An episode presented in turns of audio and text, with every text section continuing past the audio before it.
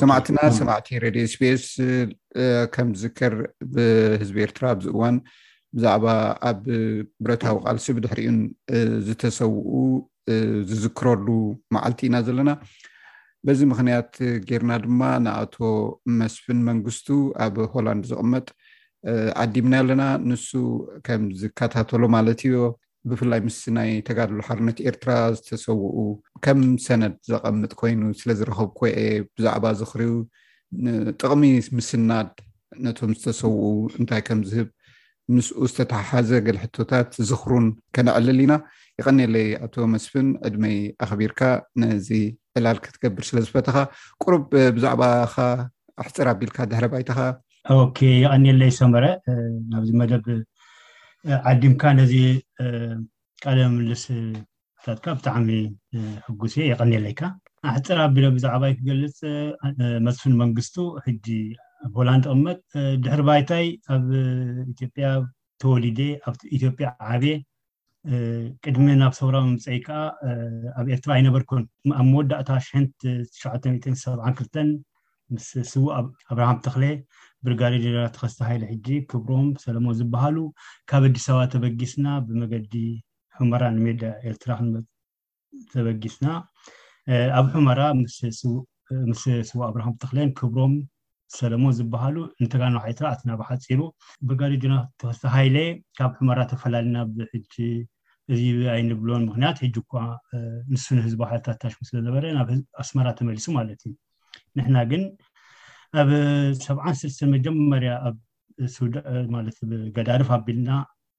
ንሜዳ ክንከይድ ኣብ ገዳርፍ ንሓደ ወርሕን ፈረቓን ተኣሲርና ብ መንግስቲ ሱዳን ድሕሪኡ ኣብ ተጋድሎ ሓይሊ ኤርትራ ኣቲና ኣብ መጀመርያ ሰብዓን ሰለስተን ማለት እዩ ኣብቲ ሽዑ እዋን ብብዝሒ ካብ ኣስመራ ዩኒቨርሲቲ ዝመፅሉ ዝነበሩ እዋን ስለ ዝነበረ ምስኣቶም ተሓዊስና ናይ ትምህርቲ ወተሃደራውን ፖለቲካውን ትምህርቲ ተማሂርና መደባት ወሲድና ማለት እዩ ስለዚ ንዓይ መጀመርያውን ብጣዕሚ ኣፀጋሚ ነይሩ እቲ ቋንቋ እቲ ባህሊ ብፍላይ ከዓ ኣብቲ ጋር ሒደር ኣብቲ እዋንቲ ምስ ዝነበረ ኩነታት ንምግጣሙ ኣሸጋሪ ነይሩ ግን ከም ቃልሲ ሽዑ እንታይ ሽሙ ስለ ዘበልና ክትቐሳ ዝደሊ እንታይ እዩ ኣነ ኣብ ኢትዮጵያ ተወልደ ከም ዝዓበኩ ኤርትራ ሓንቲ ጠቕላይ ግዛት ናይ ኢትዮጵያ ደኣ እምበር ኤርትራ ትበሃል ሃገር ኣይዓበናሉን ግን እቲ ሌላ ምስ ስዉእ ኣብርሃም ተኽለን ምስ ብርጋዴር ተኸስተ ሃይለን ምስ መጻእና ብዛዕባ ኤርትራ ስለ ዝፈለጥና በዚ ምኽንያት ኢና ከዓ ኣብ ሃገራዊ ቃልሲ ኣቲና ማለት እዩ። ስለዚ በዚ መሰረት እዚ ኣብ ጽንኩር ኩነታት ኣብ ተጋንሖ ኤርትራ ተሰሊፈ ማለት እዩ። ብጣዕሚ ጽቡቕ ብፍላይ ምስ ስዉእ ኣብርሃም ተኽለ መመሊስካ ተልዕሎ ኣለኻ እሱ እውን ጽልዋ ከም ዝገበረልካን ከም እስከ ብዛዕባኡ ቁሩብ ዕለና ምክንያቱ ብዛዕባ ስዉኣት ነዕልል ስለ ዘለና ብቐረባ ድማ ትፈልጦ ስለ ዝኾንካ እስኪ ሕጽር ኣቢልካ ብዛዕባ ስዉእ ኣብርሃም ተኽለ ንገረኒ ስው ኣብርሃም ተክለ ካብ ኣስመራ መፅኡ ኣብ ፍሬንች ኮሌጅ ተምሃራይ እንከሎ ኣብቲ እዋን እቲ ከዓ ናይ ኣዲስ ኣበባ ዩኒቨርሲቲ ደሞንስትሬሽን ነይሩ ንሕና ከዓ ሃይ ስኩል ተፈሪ መኮን ዝበሃል ንምሃር ስለዝነበርና ኣብቲ ደሞንስትሬሽን ንካፈል ነርና ማለት እዩ እቲ ግዜ ሃይለ ስላሴ ማለት እዩ ኣብዚ እዋን እዚ ንሕና ኣብቲ ደሞንስትሬሽን ከም መንእሰያት ኢሞሽናሊ ንዝነበረ ታሽሙ እምበር ፖለቲካ ዕላማ ከ ብዙሕ ታሽሙ ኣይነብልን ነርና ኣብዚ ከምዚ ኩነታት እቲ ኣነ ዝዓብኹሉ ሰፈር ብዙሕ ኤርትራውያን ዝርከብሉ ኣውቲስቲ እንዳ ስዋታት ገለመለ ዘለዎ እዩ ነይሩ ሕጂ ኩሉ ዊኬንድ ንሕና ኣብ ኣዲስ ኣበባ ዝዓበና ኣብ እንዳ ሻሂ ኣብ ገለ ኢና ንኣቱ እቶም ደቂ ኣስመራ ከዓ ኣብ እንዳ ስዋ እዮም ብዙሕ ግዜ ከምቲ ሕጂ በዓል ስብ ኣብርሃም ተኽለ ግሩፕ ናይ ዩኒቨርሲቲ ተምሃሮ ኣብቲ ገዛውትና ብብዝሒ ይመፁ ነይሮም ኣብ ሓንቲ መዓልቲ ሕጂ እኳ እዚ ዘይብሉ ኣጋጣሚ ስብ ኣብርሃም ተኽለ ተራኺብና ካብቲ ደሞንስትሬሽን ክንብለስ ኮልና እንታይ ደኣ እዩ ብዛዕባ ሃገርና ኤርትራ ከምዚ ሽግር ኣለዎ ገለ ብዙሕ ዕላል መፅዩ ማለት እዩ ኣብ ዘሴም ታይም ከዓ ምስ ተኸስተ ሃይለ ከዓ ተላሊና ማለት እዩ ስለዚ ኣብቲ እንዳሻይ ተራኽብናሉ እዋን ንሳቶም ብዛዕባ ናይ ኤርትራ ጉዳይ ነጊሮምና ስዋ ኣብርሃም ተኽሌ እውን ቨሪ ስማርት ሕጂ ንኣብርሃም ሕጂ ክሪኦ ከለኹ ከመይ ዓይነት ሰብ ምዃኑ ሽዑ ኣይርዳእን ነይሩ እቲ ኩሉ ኣካያይዶ ክሪኦ ከለኩ ግን ከምዚ ዓይነት ጅግና ምኳኑ ሕጂ እዩ ተረዲኡኒ ብጣዕሚ ትዕግስተኛ ቀስ ኢሉ ዘረዳእካ ደፋር እዩ ነይሩ ስለዚ ንሱ እቲ ብብዝሒ ግዜ ብዛዕባ ሃገር ኤርትራ ከመይ ዓይነት ቃልሲ ክካየድ ከም ዝነበረ ድሓር ምስቲ ዝነበረ ኩነታት ውግእ ከም ዘሎ ምሻለካ እቲ ንእስነት ስለ ዝነበረና ከዓ ንውግእ ንምኻድ እቲ ፖለቲካሊ እንታ ሽሙ ዘይኮነ ጥራሕ እቲ ናይ ንእስነት እታ ሽሙ ነይሩ ማለት እዩ ስለዚ በዚ ምክንያት ከዓ ምስ ጥቡቅ ዝምድና ጌርና ማለት እዩ ሓደ ምስጢር ነይሩ ሕጂ ዝርዳኣና እንታይ እዩ ስቡ ኣብርሃም ተክለ ብዛዕባ ተጋድሎ ኤርትራ ጽቡቅ ርእይቶ ዝነበሮን ጽቡቅ መርገጽ ነይርዎ ከም ዝርዳእኒ ተኸስኻ ናይ ህዝባዊ ግንባር ኣረኣያ ነይርዎ ናይ ህዝባዊ ሓልታት ስለዚ ኣብቲ ጉዕዞና ብከምዚ እንዳኸድና መሰናኽላቱ ነይሩ ኣብ ገለ እዋናት ኣብ ጎንደር ምስ በፃሕና ፖሊስ ክሕዙና መፅኦም ሓቲቶምና ኣይዶኖ ሕጂ ኣብርሃም እንታይ ከም ዝበሎ ምስ ኣብርሃም እዮም ተዘራሪቦም ካብ ሞዲዕና ወፂና ማለት እዩ ስለዚ ኣብርሃም ደፋር ማለት ድንብርፅ ዘይብሎ እንታይ ከም ዝኾነ እውን ኣይትፈልጥን ሓደ ግዜ እንታይ ከም ዝሓስብ ስለዚ ኣብርሃም ብሓፈሹ ብጣዕሚ ጅግና ከም ዝነበረ ከመይ ነይሩ እቲ ናይ መስዋእቱ ኩነታት ሕፅር ኣቢልካ ብዛ ሕጂ ብሓቂ ዝተመረ ኣነ ስቡ ኣብርሃም ተክለ ኣብ ሓንሳ ተዓሊምና ድሕሪ ተዓሊም ንሱ ኣብ ካልእ መደብ ተመዲቡ ኣብ ናይቲ ፈዳይን ናይ ፀጥታ ጉዳይ ንሕና ኣብ ሓይልታት ተመዲብና ኣብቲ ሽዑ ግዜ ፈፂምና ነዊሕ ዓመታት ኣይተራኸብናን ግን ቅድሚ መስዋእቱ ንስ ወርሒ ሽዱሽተ ተሰዊኡ ከምዚ ሕጂ ትማሊ እውን ኣውፅኤ ነረ ፌስቡክ ግን ኣነ ሕጂ ሎሚ ክሪኦ ከለኩ ኣብርሃም ተክለ ኣብቲ እዋንቲ ካብ ንመደብ ንታሕቲ ናብ ከበሳ ባርካ ዝወረደሉ ሽግር ከም ዝነበሮ ይርዳእ ነይሩ ሕጂ ምናልባት ሓድሽ ታሪክ ክፈጥር ኣይኮንኩን ኣብርሃም ተክለ ሽግር ነይርዎ ኣብ ውሽጢ ጋል ንሓሪት ኤርትራ ስለዚ ኣብርሃም ተክለ ካብ ከበሳ ምስ ወረደ መደብ ኣይነበሩን መደብ ኣይነበሮም መደብ ፅበ ነይሩ ሓንሳእ እውን ኣብ ናህና ቤት ፅሕፈት ከምዚ ልዙረት መፂ ምሳና ክልተ መዓልቲ ሓደ ዓልቲ ገይሩ ኣብ ካልእ ቤት ፅሕፈት ከምኡ ብል ነይሩ ኣብዚ ከምዚ ኩነታት እዩ ስው ኣብርሃም ተክለ ኣብ ጋሽ ከይዱ ኣብቲ ጎልጅ ከምዚ ኣነ ዝርድኦ እዚ ስማዓኒ እንታይ እዩ ብመደብ እውን ኣብኡ ኣይከደን ነይሩ ስውእ ኣብርሃም ተክለ መደብ ኣይተዋህቦን ካብ ከበሳ ምስ ወረዱ ሕጂ እቲ ሽግር እንታይ ነረ ናይ ኣብርሃም ተክለ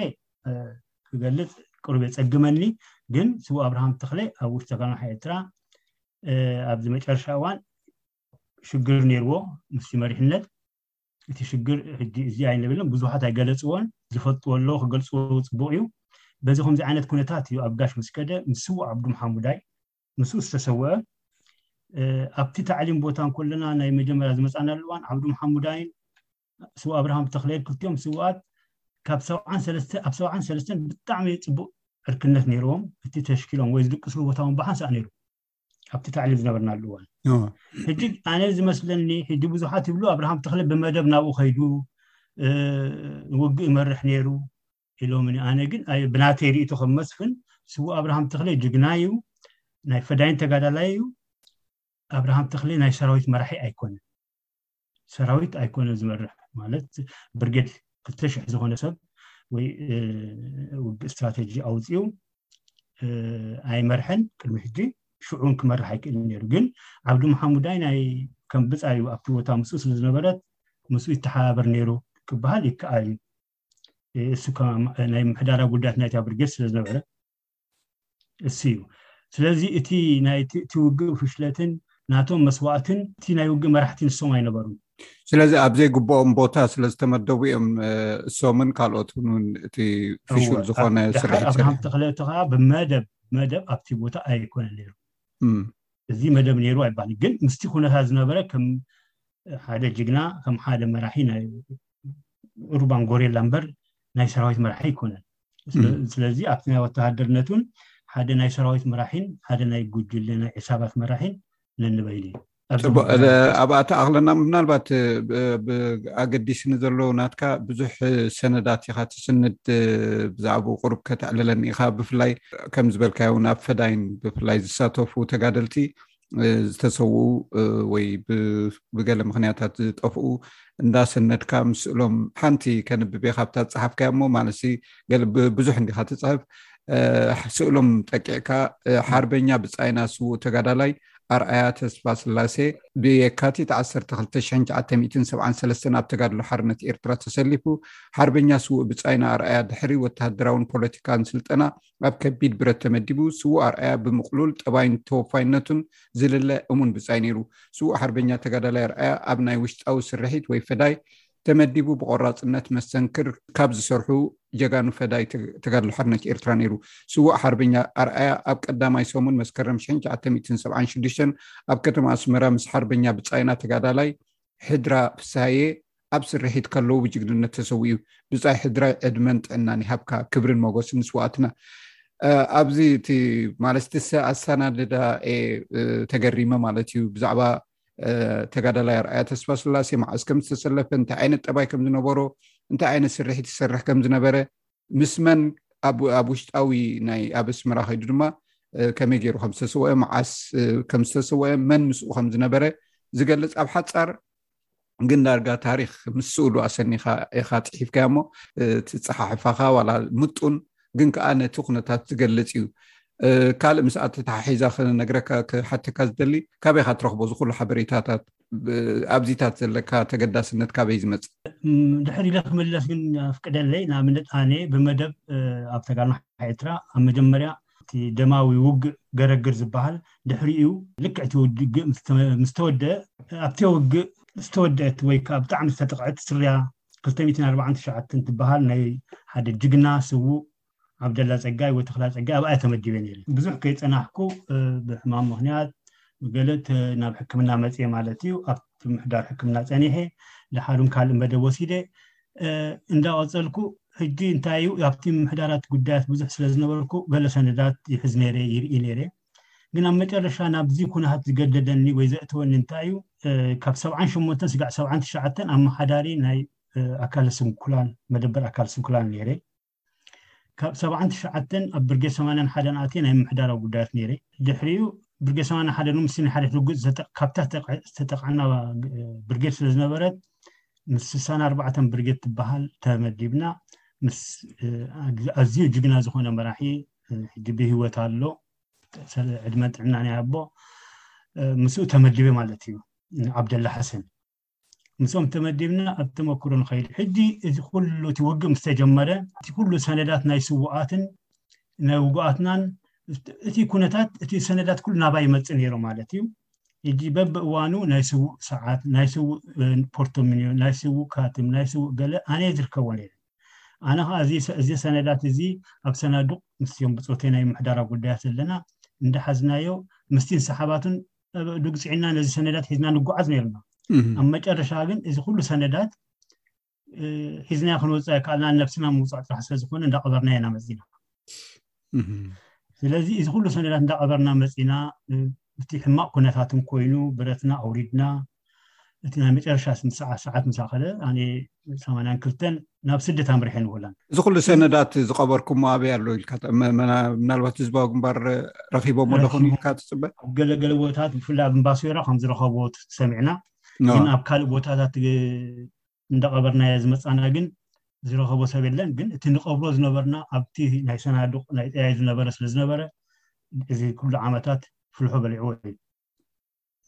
ስለዚ ኣነ ኣብ ካብ ስደት ኣብ ስደት ኣብ ሆላንድ ምስ ኣተኹ መጀመርያ እቲ ናይ ስደት ንኩሉ ሰብ እዩ ኣብ ሓደ ስትሬንጅ ዝኾነ ዓዲ ቋንቋ የለ ባህሊ የለ ዘይንፈልጦ ድሓር እቲ ብድሕረና ገዲፍናዮ ዝመፃና እትኦም ፋይላት እንዳቐበርናዮ ዝመፃና እትኦም ኣብ ጎንና እንዳተጋደሉ ቀፅሉ ኣጅኹም እንዳተባሉ እንዳተላበዩ ዝኸዱ ብፆትና እንዳዘከርኩ ዝድቀስ ኣይነበረን ስለዚ እቲ ዝመደብኮ እንታይ እዩ ብሓቂ ኣብ ካልእ ናይ ፖለቲካ ውድባት ኣይነጠፍኩን ኣብ ዝኾነ ዓይነት ታሽማ የበልኩን እቲ ቃልሰይ ከመይ ገይረ ናይዚኦም ብፆት ንስንድ ታሪክ ናይዚኣቶም ከመይ ንነግር እትኦም ከዓ ኣብ መደብር ኣካል ስንኩላን ሽዑ ቅድሚ ኣርባዓ ዓመት ምስኦም ኣመሓዳሪ ዝነበርኩ ሕጂ ከዓ ገና ኣብ ከሰላ ዘለዉ ገለ ኣባላት ናቶም ሓላፍነት ከመይ ንወስድ ኢለ ዝግቲ ዝንቀሳቀሱ ዝነበርኩ ኣብዚ ናይ ኣካለ ፅጉማንን እዚ ናይ ስዋኣትና ምስናድን እዩ ስለዚ በዚ እቲ ቀንዲ እንታይ ሽማሓት ኣትኒ ድሕሪኡ ካብ ምሕታት ካብ ብፆት ገለ ሰነዳት ኣነ ኣብቲ ምሕዳራ ጉዳይ ስለ ዝነበርኩ ገለ ግዜ ከሰላ ክኣቱ ከለኹ ዝኣተሉ ገዛ ስለ ዝነበረኒ ሓደ ሓደ ሰነዳት ሓደ ሓደ ስእልታት የቐምጥ ነይረ ግን ኣብቲ መጨረሻ እውን ንሱ ሒዘዮ ተማሊእ እየ መፅየ ግን ብዝያዳ ብዝያዳ ካብ ብዙሓት ሰብ ይሓትት ብዙሕ ሰብ ኮንታክት ይገብር እዚ እትሰምዕዎ ዘለኹም መደብ ብቋንቋ ትግርኛ ዝፍኖ ሬድዮ ስቤስ ራ ሰማዕትና ኣብ ኤርትራ እስራ ሰነ መዓልቲ ሰማእታት ተባሂላ ትዝክር ዕለት እያ ብኡ ምክንያት ጌርና ምስ ናይ ቀደም ተጋዳላይ መስፍን መንግስቱ ብዛዕባ ስነዳ ስውኣትን ምስኡ ዝተኣሳስረ ታሪኽን ዝገበርናዮ ዕላል ኣይተወደን ኣብ ካልኣይ ክፋል ክንመለሶ ኢና ሰላም።